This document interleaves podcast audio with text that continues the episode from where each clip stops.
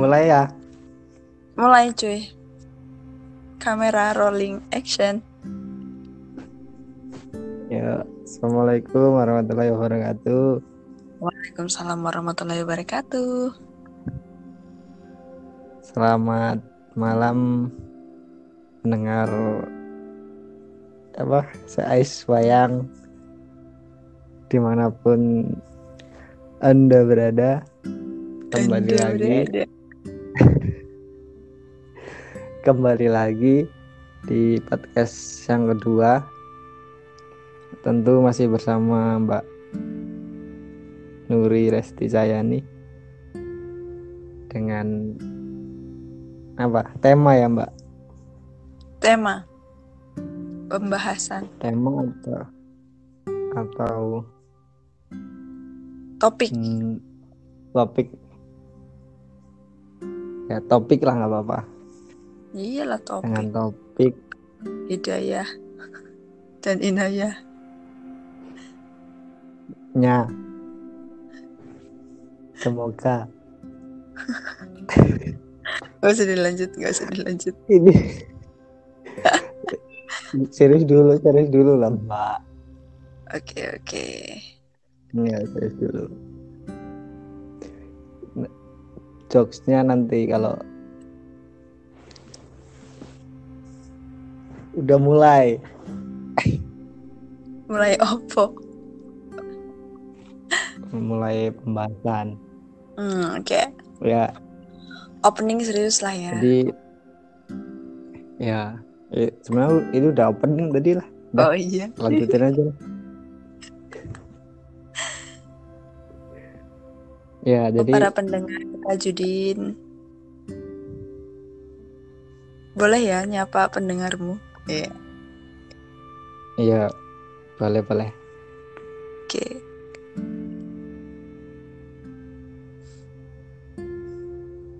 Ya udah, udah aku sapa. ya paling mereka apa ininya mbak responnya Apa? saya juga paling Ya paling responnya di apaan sih? Ya kita ambil apa buruknya dulu lah ya, biar kita nggak terlalu berekspektasi tinggi. Iya, iya, iya, betul. Ya, jadi topiknya kan tentang bahagia ya, Mbak. Mm-mm. Hmm, jadi, Oh aku- tentang bahagia. ya, tentang bahagia. Setelah yang pertama kemarin tentang cinta. Karena aku, eh, apa ya, ter latar belakang ini, betul nggak ter Mm-mm. latar belakang? Dari bukunya siapa novel ya novel Hariri apa Herari gitu yang judulnya Homo. Deus kalau nggak salah. Best bestseller juga di di apa? Dunia pak internasional Wah, jadi yang aku apa judulnya? Deus. Homo Deus. Mungkin apa Oke. sih? Indon Indonesianya itu kalau nggak salah sih hmm, manusia manusia Tuhan apa ya? Apa pokoknya manusia yang ingin Man- menjadi Tuhan manusia kalau dewa. Mm. ya manusia dewa ya jadi dari buku itu aku mau apa menafsirkan atau me, setangkapku setangkapku ya martabak aja setangkap Tanggup. ya se sepemahamanku dari membaca buku itu ada tiga hal yang ingin dicapai manusia modern yang pertama itu keilahian maksudnya bahwa manusia itu ingin mempunyai kekuatan seperti Tuhan gitu kalau Mm-mm. contohnya kan aku malah ceramah dulu ya mbak ya Iya, Review emang dulu ya. harus dikasih insight dulu. Mm. Iya. Jadi yang pertama kan manusia itu ingin punya sifat keilahian itu ya. Ingin menjadi Mm-mm. Tuhan atau dewa yang ingin melawan mati sama tua. Mm-mm. Jadi Hariri ini dalam bukunya kalau nggak salah memaparkan argumentasi bahwa ada kemungkinan manusia akan seperti itu melalui ilmu pengetahuan. Mm. Nah, yang menarik yang poin ketiga nih, kan tadi melawan ingin menjadi Tuhan, Tuhan. ingin Tuhan. hmm, manusia ingin menjadi Tuhan, lalu ingin immortal bahasanya tidak mati dan ingin bahagia bahagia tanpa merasakan kesedihan. Nah, yang kalau yang pertama dan yang kedua kayaknya menurutku nggak mungkin sih Mm-mm. ketika manusia ingin menjadi Tuhan dan melawan kematian. Nah, yang kedua ini, ya eh yang ketiga, yang ingin bahagia tanpa merasakan kesedihan. Mm-mm. Nah, makanya muncullah apa topik atau bahasan yang ingin tak bahas sama sampean gitu. Nah, topiknya kan tentang bahagia. Jadi eh, di buku tersebut manusia ingin Ingin bahagia gitu ya. ya ingin bahagia tanpa merasakan kesedihan. Nah, itu Yang paling aku- mungkin gitu ya. ya yang paling mungkin maksudnya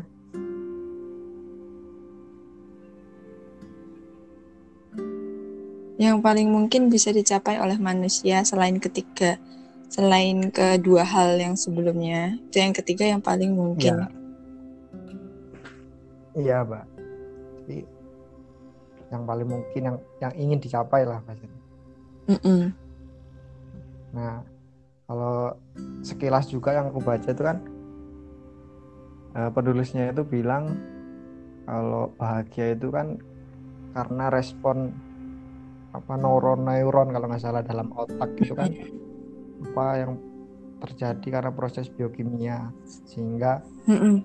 orang itu bisa bahagia. Nah, mereka ingin apa ya bahasanya eh, mengatur itu loh, apa mengatur jalannya proses biokimia yang ada di otak sehingga eh, diset untuk bahagia tanpa ada setting kesedihan itu gitu. Mm-mm. Nah, itu kan biasanya orang mencapainya pakai apa? Kayak misalnya narkoba gitu kan. Itu kan ada proses Iya, juga dalam situ. harus ada stimulus gitu ya untuk meng- memberikan efek secara kimia itu dari dalam tubuh manusia itu sendiri. Betul. Nah, sementara itu kan tidak hanya narkoba yang bisa apa ya membuat seseorang itu atau proses biokimia di otak itu merasa bahagia. Kadang kan ada yang cuma lihat kucing kan bahagia. Iya. Aku banget. mungkin ada yang lihat kucing, yang lihat apa cicak mungkin bahagia gitu kan.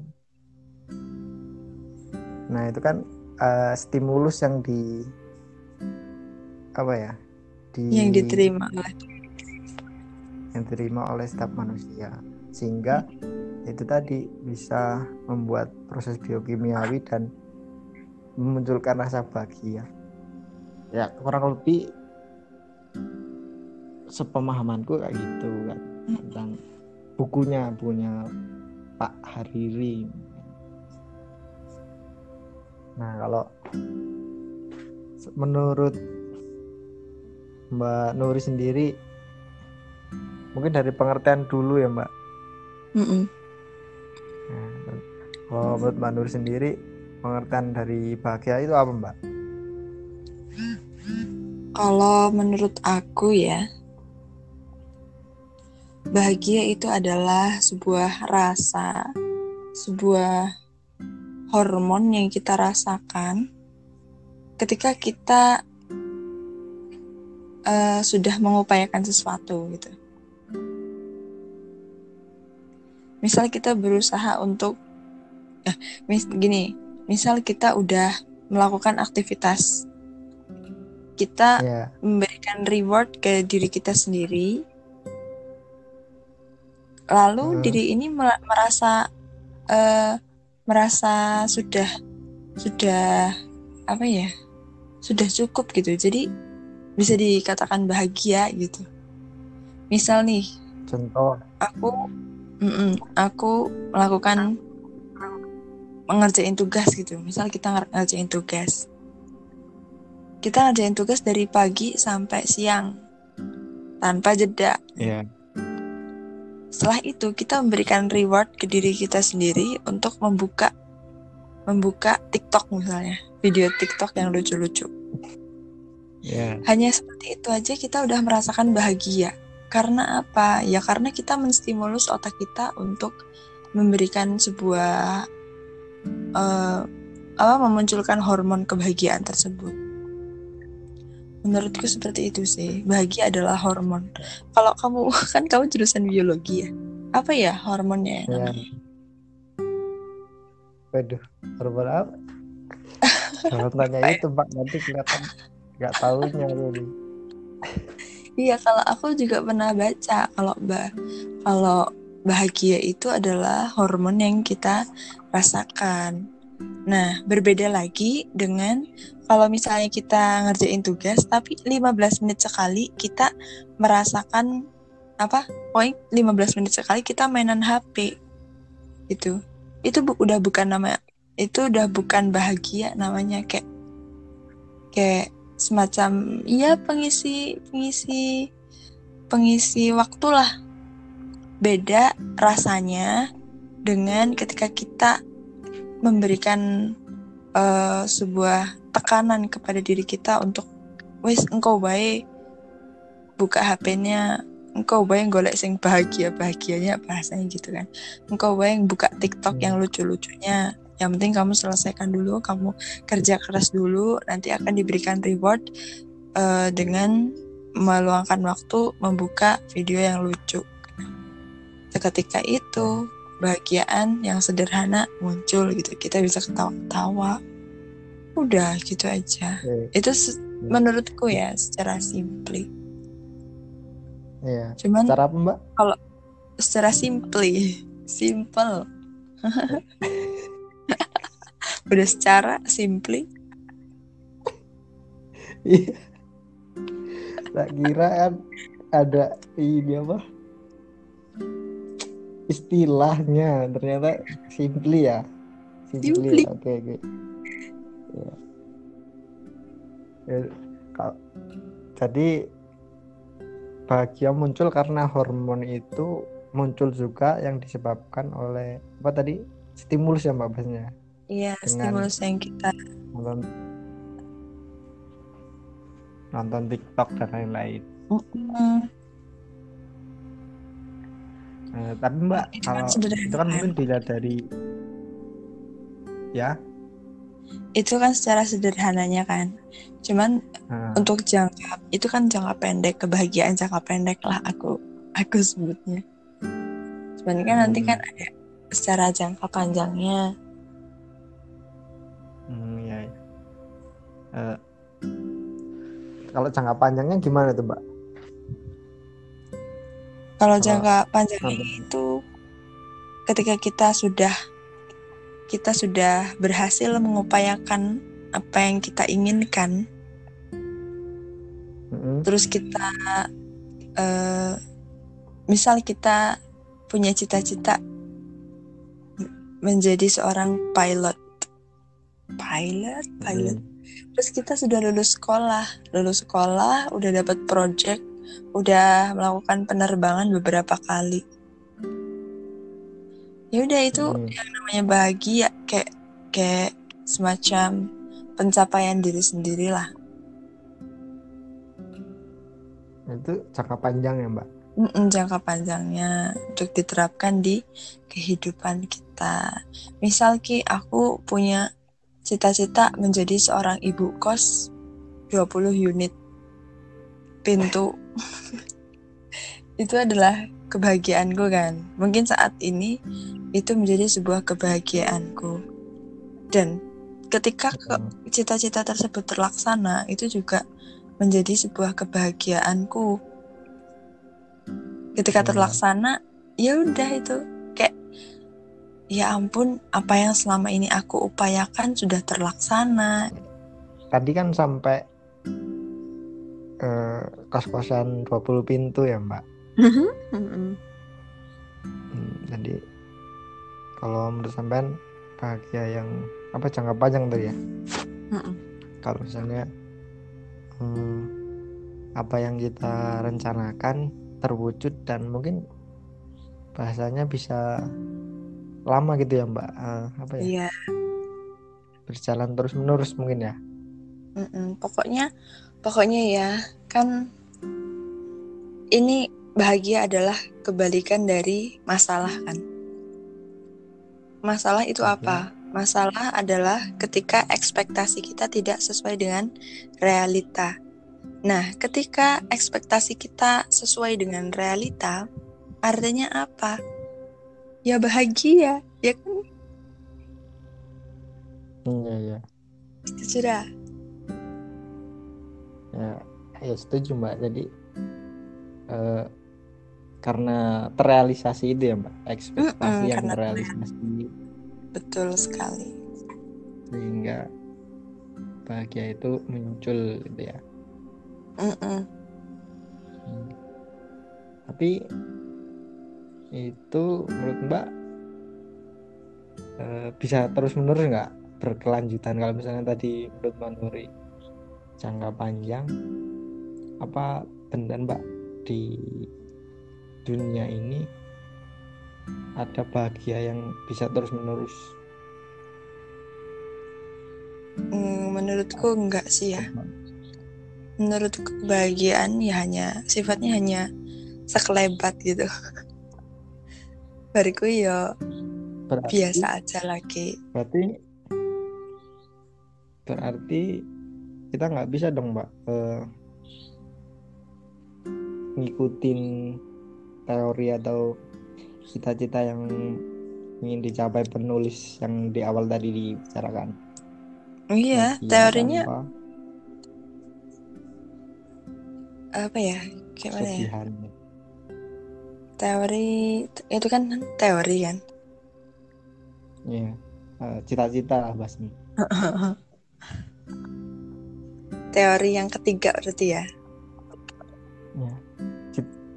Cita-cita mungkin Mbak, cita-cita yang ingin dicapai dalam hidup, dalam hidup ini inginnya bahagia terus nggak nggak ada sedih gitu. Yang berarti kalau misalnya dilihat dari konteks tadi yang mungkin hmm,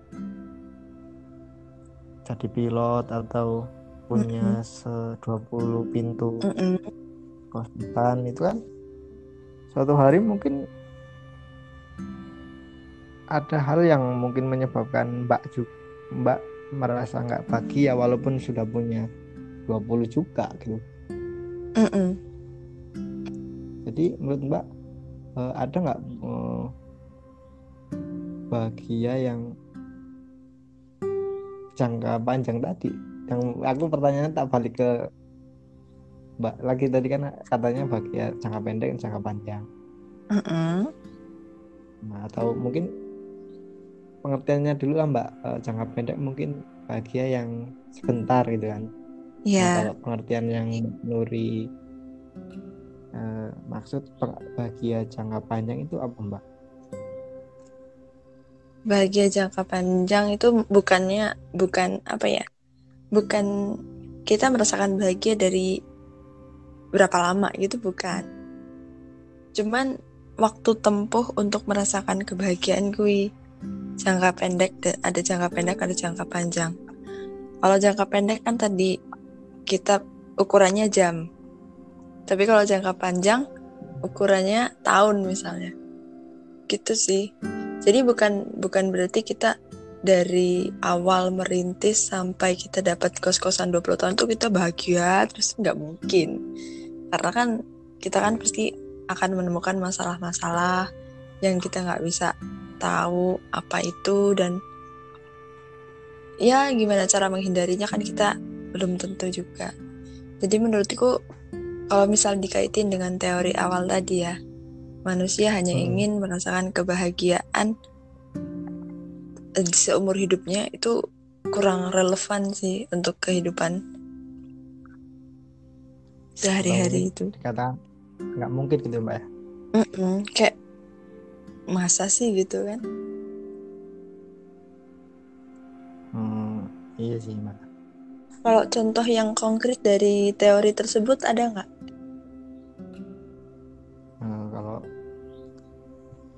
Baca itu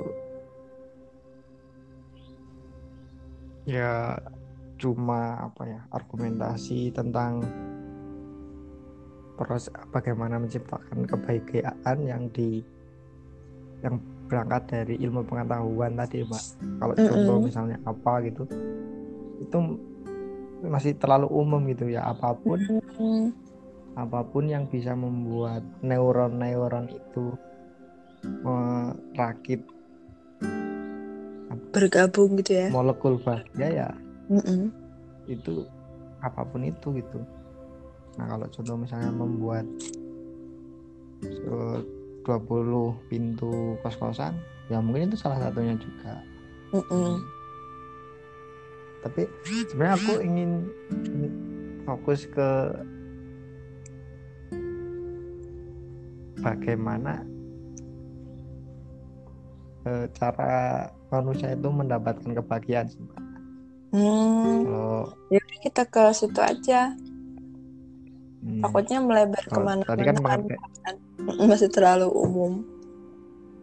iya kalau tadi kan pengertiannya mungkin sudah ya terkait bahagia tapi yang aku baca di selain buku itu di bukunya Ham, Buya Hamka Iya.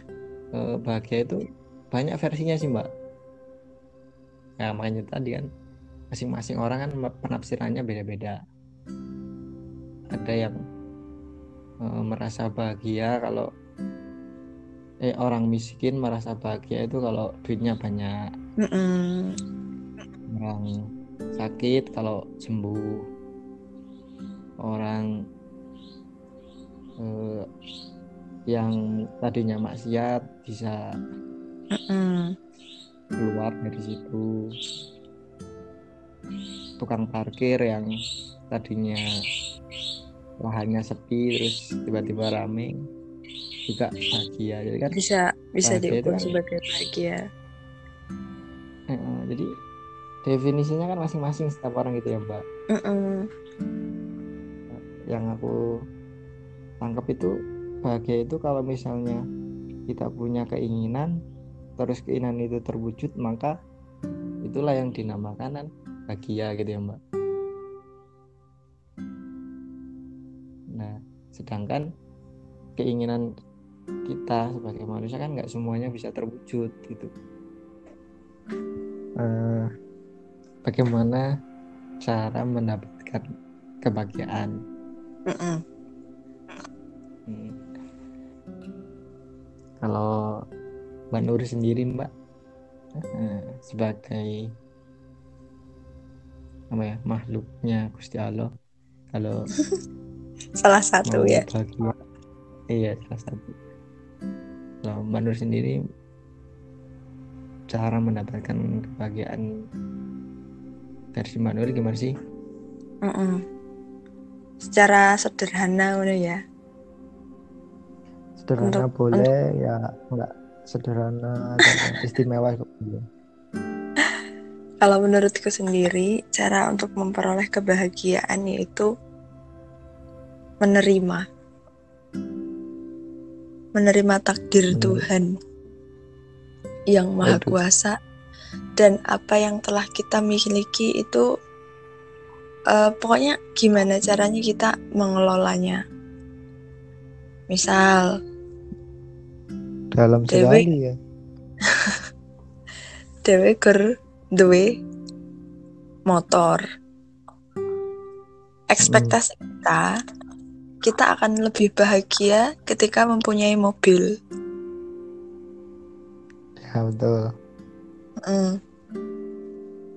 Tapi kita memilih itu, kita ada kesempatan untuk memilih apakah kita akan bahagia atau tidak. Nah, kita akan memilih untuk tetap bahagia walaupun nggak mem- mempunyai mobil, yaitu dengan cara ya wis lah. Kita menenangkan diri kita dengan cara ini syukur-syukur udah dapat udah punya motor, jadi kita eh, kita nggak nggak jalan kaki kita nggak capek-capek mengayuh sepeda gitu kita tinggal starter isi bensin starter bisa jalan dan kita tetap akan mencapai tujuan tersebut. Nah dengan seperti itu keba- kebahagiaan itu akan datang dengan sendirinya. Hati berarti satu. Bersyukur apa? itu ya mbak. Ah, ah, bersyukur bersyukur ya. itu. Bahasane bahasane wong-wong ngono paling nerimo ing pandum. Jawa, nerimo ing Jawa pandum. nih sekali Jawani banget. Bersyukur itulah tapi kunci bahagia. Hmm, bersyukur. Eh, ada lagi nggak mbak selain tadi bersyukur dengan apa yang dimiliki? Bersyukur. Kalau versi Mbak Nuri untuk mendapatkan uh, bahagia tadi. Apalagi ya? Sementara itu aja dulu deh. apa satu bersyukur itu ya mbak ya? Ah, ah, bersyukur itu sih. Hmm, yang paling enak.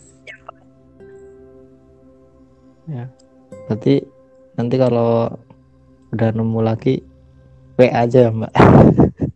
Ini aku WA ya. Bentaraan itu. PR ya. Ya. Tapi apa semua orang mampu bersyukur mbak?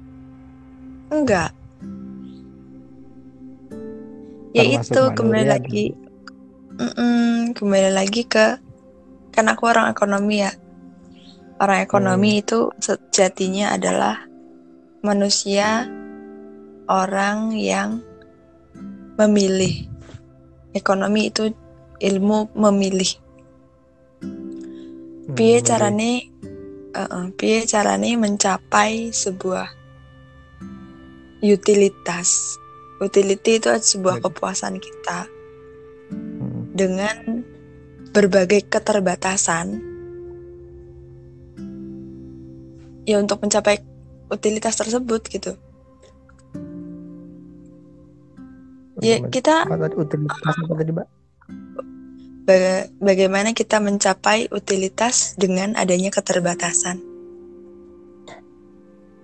Utilitas artinya apa mbak? Utilitas kepuasan. Kepuasan. Mm-mm. Kepuasan, Kepuasan atau entah itu- kebahagiaan mungkin Iya, banyak definisinya luas kepuasan di dalam ekonomi itu. Kamu beli Hmm. sepatu sama baju, terus kamu seneng aja udah namanya kepuasan kan. Hmm. Kamu bisa sekolah sambil bekerja, itu pun utility. Hmm. Eh, kepuasan itu ada kan kalau eh kepuasan sama bahagia itu sama nggak Sama atau saling saling berhubungan ya mungkin enggak? Tapi kalau di dalam secara luas itu sama definisinya. Hmm, sama Mm-mm. Jadi, Makanya kita kalau dalam kalau, or- kebahagiaan kalau orang Eh, kayak- Iya, iya, iya. Ini susahnya nggak tatap muka mbak ya Hmm, kita nggak bisa sejreng untuk ngomong duluan siapa? Ini Oh enggak, oh, enggak. Oh. Kalau eh, tadi kan mana tadi bingung aku hilang barusan. Utility kan kepuasan atau kebahagiaan yang diperoleh eh memil- memilih kepuasan dengan Berbagai keterbatasan. berbagai keterbatasan keterbatasan. ya memilih itu mungkin antara memilih dengan uh, utility tengah-tengahnya mungkin bersyukur itu mbak ya Mm-mm. memilih untuk bersyukur gitu menempatkan memilih untuk Diri bersyukur atau tidak bersyukur kalau Dan memilih untuk tidak mau- bersyukur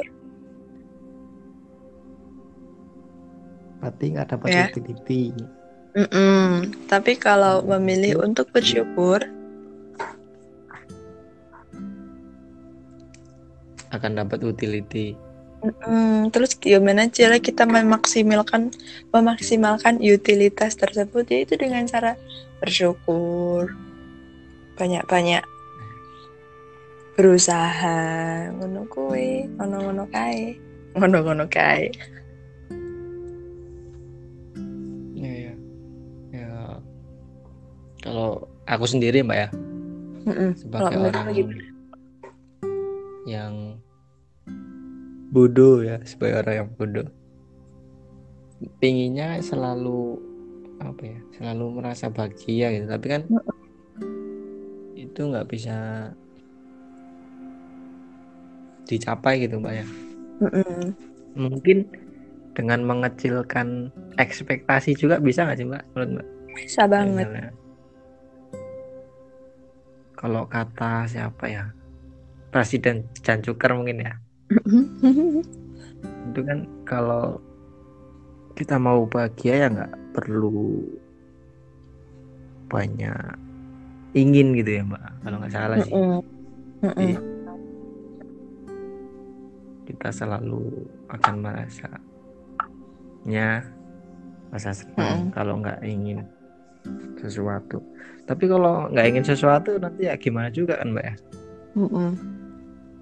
nggak ingin surga misalnya terus mau dikemanakan kita apa diri kita sendiri gitu kalau nggak Mm-mm. punya keinginan gitu kan Iya. Tentu kalau orang awam kan orientasinya kan ya nanti pinginnya senang pinginnya surga. Kadang-kadang kan bingung menempatkan keinginannya seberapa gitu. Mm-mm. ekspektasinya seberapa. Kalau menurut Mbak Nuri sendiri mungkin dari kacamata ekonomi seberapa besar sih kita menempatkan keinginan dalam apa ya usaha kita gitu Cara menempatkan ya, menempatkan keinginan dalam usaha kita. Mm-mm. Sebenarnya kalau di kalau ngomong tentang ekonomi ya, keinginan itu adalah target gitu ya. Target yang Ah. perlu dicapai. Ya itu wajib banget kalau di ekonomi. Kan kalau keinginan sebagai tolak ukur kita kan pencapaian. Kalau misalnya kita tercapai, bahagia. Kalau misalnya nggak tercapai, ya nggak bahagia. Tapi ngomong-ngomong tentang apa pendapatnya Presiden John Jokers itu ya, Heeh. aku juga pernah baca di buku bukunya Henry Manampiring, judulnya Filosofi Teras. Baru setengah sih, setengah buku yang aku baca. Tapi di salah Hmm. satu halamannya itu aku dapat sebuah kalimat yang itu adalah definisi wajah Islam banget itu. Ini keluar dari konteks ekonomi. Mm-mm. Intinya itu kebahagiaan sesungguhnya adalah ketika tidak ketik- ketika kita tidak menginginkan apa pun. Jadi kita selalu ngerasa cukup gitu loh. Kayak nggak- kalau nggak Oke. kita nggak punya keinginan apa pun kita nggak ada nggak ada sebuah tekanan, nggak ada sebuah nggak ya pokoknya hawanya ki hawa tentrem, adem, ayem. Terus apa? Iya. tentrem titi toto tentrem lah bahasanya kalau Jawa Titi Gitu. Toto tetep gemari Mm-mm. Palo Cidawi kalau Cinawi banget lah pokoknya itu sih berarti Itu sama dong itu mbak ya sama penerimaan. pendapatnya Presiden Sanjugar Hmm, sama seperti itu. Pokoknya kayaknya Ah. itu kan kalau bahasa Islamnya itu adalah ikhlas kan bahasa agamanya. Kita biasa mengenal Ikhlas. sebagai ya, eh, ikhlas keikhlasan tertinggi gitulah bahasanya tapi kan itu yang menulis adalah orang non Islam kalau nggak salah sih menurutku. Karena itu judul- Oh. judulnya filosofi teras isinya tentang dewa-dewa gitu filosofi kuna Yunani kuno. Dan itu bagus isinya. Karena memang aku setuju orang yang tidak memiliki keinginan apa pun itu sejatinya adalah orang yang paling bahagia. Hmm. karena dia nggak mau cara ya berarti kalau digabungin yang tadi Mm-mm. setelah bersyukur itu tidak punya keinginan berarti mbak ya? Iya cara mendapatkan iya. Berarti nggak perlu WA nggak perlu WA kayaknya ini mbak? Nggak udah ketemu jawabannya. Nggak nggak perlu WA oke siap. Berarti setuju mbak ya tadi? Mm-mm. dengan tidak keinginan gitu ya? Mm-mm. Tapi masa iya mbak? Manusia nggak punya nggak maksudnya nggak ada keinginan gitu. Ya nggak mungkin lah. nggak apa nggak apa ya bertentangan gitu sih. Mm-mm. bahwa orang itu mencari kebahagiaan tadi terus bahwa kebahagiaan itu muncul misalnya tadi kalau menurut Mbak Nuri memiliki 20 pintu kosan itu kan salah satu Mm-mm. keinginan iya itu akan tercapai bahagia kalau terwujud sedangkan Mbak Nuri bisa mencapai bahagia tanpa mempunyai keinginan 20 pintu itu sebenarnya sudah bisa Mm-mm. bahagia Terus gimana itu? Nah, ya itu dia. Kan kita hidup sebagai manusia Hmm. tidak lepas dari berbagai keinginan. Belum bisa mencapai titik itulah. Kalau bahasanya Oh, iya, iya. makrif makrifat secara manusia Iya. itu itu udah kasta tertinggi. Nah, aku kan wong biasa, coy. Wong biasa sing selalu ingin ini ingin itu banyak sekali. Iya. Iya, iya. Sama sih, Mbak. Mm-mm. Nah iya makanya hanya orang-orang tertentu yang bisa mencapai titik tidak ah, tidak mempunyai keinginan apa-apa. Artinya yo saking sugih kan. Entah sugih jiwanya, entah sugih hartanya, entah sugih Iya, iya. apa lah pok men. Iya, iya, iya. Hmm, Ya, tadi juga kamu bilangnya orang miskin itu selalu tidak bahagia karena tidak kaya. iya. Kalau di bukunya Relate kan? Bu Hamka itu bukunya Bu Hamka beliau bilang oh, orang miskin kan mungkin mungkin kebanyakan nggak Mm-mm. semuanya mungkin mbak kebanyakan kan ah saya akan merasa bahagia kalau duitnya banyak Mm-mm, punya rumah, kebahagiaan banyak gitu. iya, padahal kan belum tentu juga yang misalnya rumahnya gede duitnya banyak itu bahagia juga ya kan? iya betul. nah kembali ke yang tadi sih sebenarnya mbak yang eh, apa tadi sebelum ini mengecilkan harapan atau keinginan Uh, uh, ekspektasi. kembali ke eh, eh, kita fokus kalau misalnya nggak punya keinginan mungkin itu levelnya orang-orang yang bahasanya tinggi gitu mbak udah soleh banget gitu ya. Mm-mm, Nah, kita fokus ke yang yang kita kita aja yang Iya, yang aku aja juga yang nggak soleh gitu. Aku juga lah. soleh gitu. Ih janganlah. Iya, Bahkan berarti aku soleh, soleha, nggak soleha.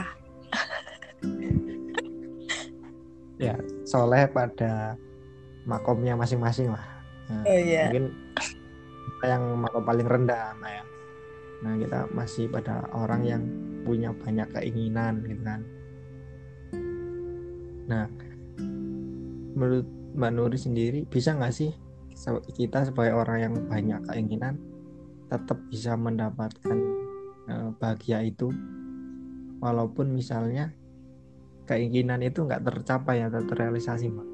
Misalnya Mm-mm. contohnya nih, misalnya contohnya kayak Mbak Nuri tadi, eh, atau aku aja lah gantian contohnya. Mm-mm. Soalnya aku pengen, pengen punya rumah eh, dua tingkat misalnya. Nah, ketika aku mampu merealisasikan itu, pasti aku bahagia, Bang Mbak. Iya. Nah, tapi ketika itu tidak terrealisasi, mungkin aku merasanya nggak bahagia gitu, Mbak. Nah, bisa nggak sih, Mbak, eh, yang apa ya, yang tidak bahagia ini diubah menjadi bahagia juga, Mbak. Sehingga kan kita tetap bahagia walaupun itu terrealisasi maupun nggak terrealisasi. Mm-mm. Bisa nggak Iya, bisa. merubah? Kalau menurut Mbak Nur sih menurut Mbak Nur kalau Mbak pendapatnya Mbak Nur ya bisa nggak merubah yang ketidakbahagiaan itu atau kesedihan menjadi kebahagiaan Mbak? Oh, menurutku untuk apa ya seperti menyembuhkan sebuah luka ya karena ketidak ketidakmampuan kita untuk mewujudkannya. Menurutku sangat Mhm. bisa sih. dengan Eh, eh. Sebentar, aku lagi di dapur.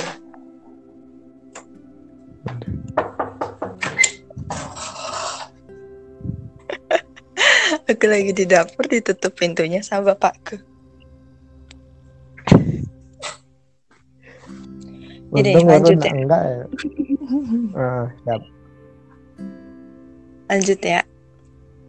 ya Jadi eh, setiap orang itu pasti bisa bisa meminimalisir keinginannya ketika tidak tercapai.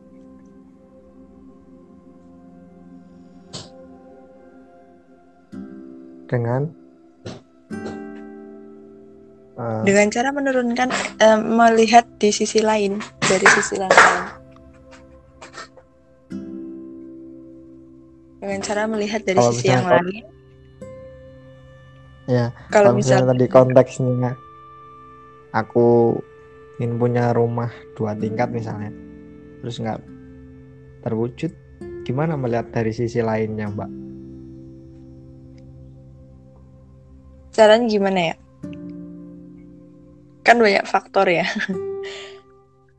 Eh, bisa jadi kamu tidak bisa memiliki rumah, tapi kamu pun- masih punya. Nah itu kita lihat dulu tuh, kenapa nggak bisa memiliki rumahnya tersebut gitu? Apa karena biayanya kurang? Apa karena nggak ada lahan? misal- Apa karena gimana?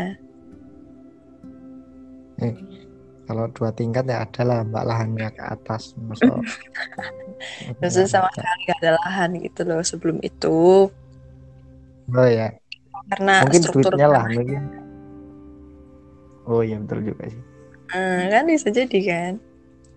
ya betul betul Ya, kita lihat dari sisi yang lain, misal nggak ada duit ya, nggak ada duitnya, Kan belum ada- cukup lah duitnya. duit lah. Ah. Ya kita bisa mengalokasikan ke yang lain. Contohnya dengan dengan apa yo? Iya yo caranya mengungkapkan nih. Apanya yang dialokasikan Alokasikannya lahannya, lahannya. Kan nggak ada uang. Jadi lahannya yang ada dulu. Asumsinya kan ada lahannya dulu nih. Nah, lahannya dulu ya ditanami apa dulu, baru baru sembari menunggu dananya terkumpul, baru bisa direalisasikan untuk peletakan batu pertama. Cile. hmm, iya ya berarti ada Itu dengan mengubah mengubahnya. Pokoknya Nah, dengan cara kita ya bikin plan A, plan B. plan A nggak terrealisasi, kita punya plan B. Tapi kan sama-sama utility-nya. Kalau di dalam Sebuah ekonomi itu kebahagiaan kurvanya. Iya betul, ada kurva utility-nya. Selama kita masih ada di Hmm. dalam titik kurva utility itu, ya kita akan tetap bahagia gitu. Walaupun bukan titik yang kita inginkan, tapi kita harus selalu menyiapkan titik-titik yang lain. Untuk mencapai titik satu yang dari awal pengen dicapai Mm. Mm-mm. Yang penting masih zona utility. Aduh, ngomong mungkin apa? kalau ya mungkin kalau bahasa agamanya sabar mungkin mbak ya Sabar. Sing jembar sabar belum bisa Nah, belum bisa merealisasikan Keinginan. Syukur. Sabar. Ikhlas. Kembali lagi ke ikhlas. kelas waduh ini kayak tausiah aja di mana tapi ya memang itu sih benar yang Iya, yang kayak obat gitu nggak sih? di yang bisa dilakukan kalau memang ingin benar-benar tetap bahagia gitu mbak ya. Hmm, ya, ya. Sekali lagi, itulah pilihan kita masing-masing. Dewe bahagia, opo arek sedih. Nek arek bahagia, tetap bahagia ya golek. Golek anu, golek alternatif liyane. Tapi nek arek sedih ya wis siap-siap baik ngono sih. Waduh, ini ada subtitle-nya nggak nih? Ngomong Jawa. ada nanti mbak di tak buatin Siap. Ya. kalau di surga ada bagi ada sedih nggak ya mbak Enggak. Aku yakin nggak ada. seneng aja gitu ya Mm-mm. Tapi Din, kalau kalau aku random thought ini aja ya, pertanyaan Hmm. random. Kalau misal kita hidup nggak ada sedihnya, apa juga akan akan menyenangkan gitu Mm-mm. iya deh iya juga sih mbak Iya. Kalau hidup nggak ada sedihnya apa kan Dari sedih itu ya kan? Kita tahu terang kan ada gelap Gelap. Kita tahu sehat karena ada sakit. ada sakit Mm-mm. tapi di surga masih ada sedih dan waduh Aduh, aduh. melawan ayat-ayat Al-Quran Apa nanti kita tanyakan saja ke pemuda tersesat? Eh, boleh juga itu tapi ya apa ya logika tentang surga itu kan kita yang belum pernah sampai sana jadi nggak bisa lah mbak mungkin Iya. Orang tekan lah. logika kita Mm-mm. buru-buru bahasanya tekan lah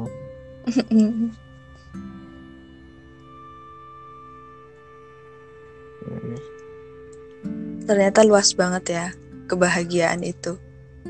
Definisinya, cara mendapatkannya, dan studi kasusnya juga Hmm. beda-beda.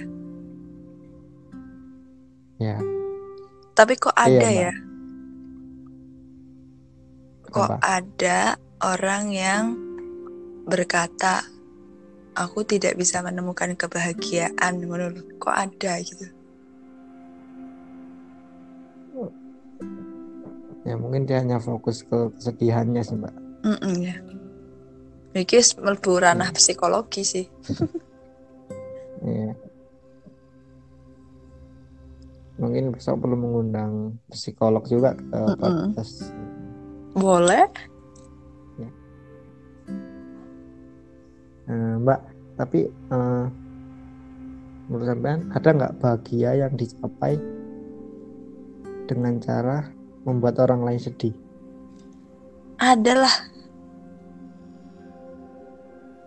Apa contohnya?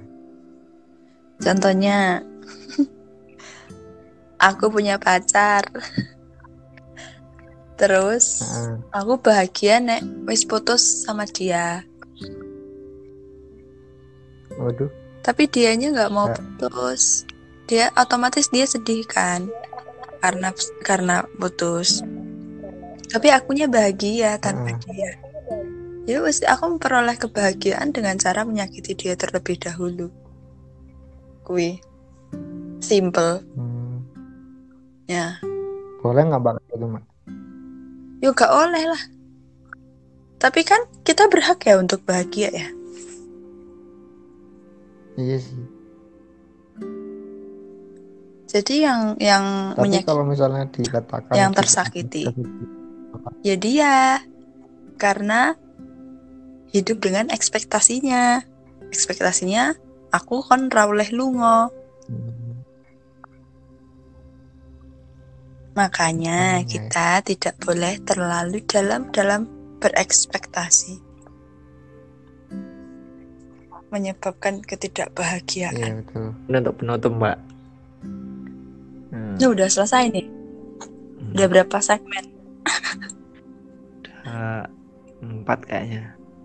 Empat alhamdulillah. Hmm. Nah mungkin pesan-pesan un- untuk untukku aja mbak. Tentang Mm-mm. tentang tema hari ini Wes, tema hari tentang tema bahagia. Supaya saya mungkin lebih banyak merasakan bahagia daripada sedih. Apa mbak? Mungkin pesan-pesan dari mbak Nuri pesan-pesan dari aku yaitu yang pertama sering-seringlah melihat sekitar. Kalau misalnya kita sering-sering melihat ke sekitar, otomatis perasaan syukur kita akan sendirinya terbentuk tanpa harus digembor-gemborkan. Misal, kita mengkampanyekan untuk melihat orang lain, kesedihan orang lain, untuk bahan kita untuk bersyukur. Gak boleh gitu. Oh, Tapi kalau oh, nggak untuk boleh diri Mbak? sendiri, ya kalau untuk di dalam hati diri sendiri itu boleh. Tapi Hmm, kalau untuk iya. dikampanyekan, lihatlah orang di sana. Itu baru tidak boleh. Itu namanya jahat. Dipublish gitu nggak jahat. Tapi kalau untuk diri kita Hmm. sendiri kan, oh ya wes kita lebih mau, kita lebih fokus dengan apa yang kita miliki, gitu lah bahasanya. Hmm. Tuh. melihat sekitar Yang pertama. satu Terus yang kedua, sering-sering melihat, melihat ke realita. maksudnya Iyo, kenyataannya ke PB. Kenyataannya ke PB. Maksudnya kita yang ada di depan kita itu apa? Ya udah. Terus kita olah olah olah olah rasa, olah cara kita menyikapinya gitu, bagaimana. Itu yang harus kita fokuskan. Karena yang di buku filosofi fit- filosofi filosofi teras yang aku ceritain tadi di awal itu yang perlu Mhm. ditekankan adalah kita harus fokus kepada apa yang kita kendalikan, apa yang bisa kita kendalikan. Mungkin itu juga cara Mhm. kita ber- berbahagia gitu loh. Cara kita berbahagia. ya, ya. cara kita eh, hal-hal yang bisa kita kendalikan yaitu Hmm. perasaan kita, sikap kita, perkataan kita, perbuatan kita dan apa yang apa respon kita gitu ter- terhadap hal yang tidak baik untuk kita gitu. Misal kita nggak bisa dapat beasiswa, nggak bisa Iya. dapat beasiswa, misal. Yang yang bisa kita lakukan untuk tetap bisa bahagia yaitu dengan cara ya udah merelakan. Nah ikhlas. yang uh-uh, ikhlas. Yang yang bisa bikin kita nggak bahagia kan kita selalu menyalahkan ya entah menyalahkan diri sendiri, entah menyalahkan sistem, atau bahkan menyalahkan petinggi-petingginya gitu. Aduh. Tapi kan Iya. yang bisa kita kendalikan itu, yang bisa kita kendalikan adalah cara kita merespon ketidakterimaan itu, ketidak apa ya pengumuman kuil lah pokoknya. Kita Hmm. bisa enjoy, Iya. kita bisa oh ya wis lah, nggak apa-apa. Mungkin ini pengalaman aja buat kita. Nah itu kan bisa bikin kita lebih lebih baik lah, walaupun nggak bahagia bahagia banget. Kalau sedih kan manusiawi wajar. Yang penting kita kan nggak Iya. terlalu dalam, nggak berlarut-larut dalam bahagia.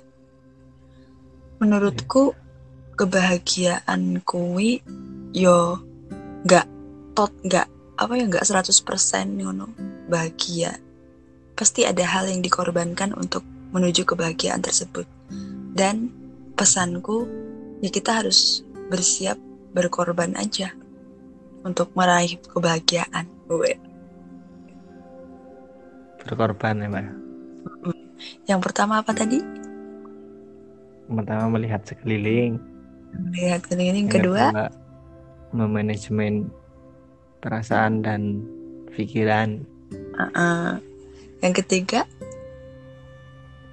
Yang ketiga belum kan Mbak? Atau udah eh, iya ketiga barusan apa Eh, barusan? berjuang? Hmm. Berjuang. Ya.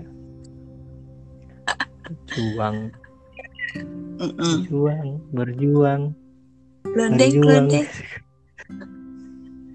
ya, iya. Tiga itu Mbak ya. Ya itu, uh-uh. fokus pokoknya fokus dengan apa yang di depan kita. Fokus gitu Mbak ya. Mm-mm, berkorban kok berjuang. Yang keempat itu ber berkorban. Ya Melihat dalam perjuangan pasti ada per- pengorbanan ya. Iya. Kadang-kadang, kadang-kadang juga enggak Mbak. Kadang-kadang dapat aja gitu ya. Iya. Jadi melihat sekeliling, memanajemen diri, terus Mm-mm. berkorban. Hmm, berkorban. Mm-mm. Sementara itu aja sih.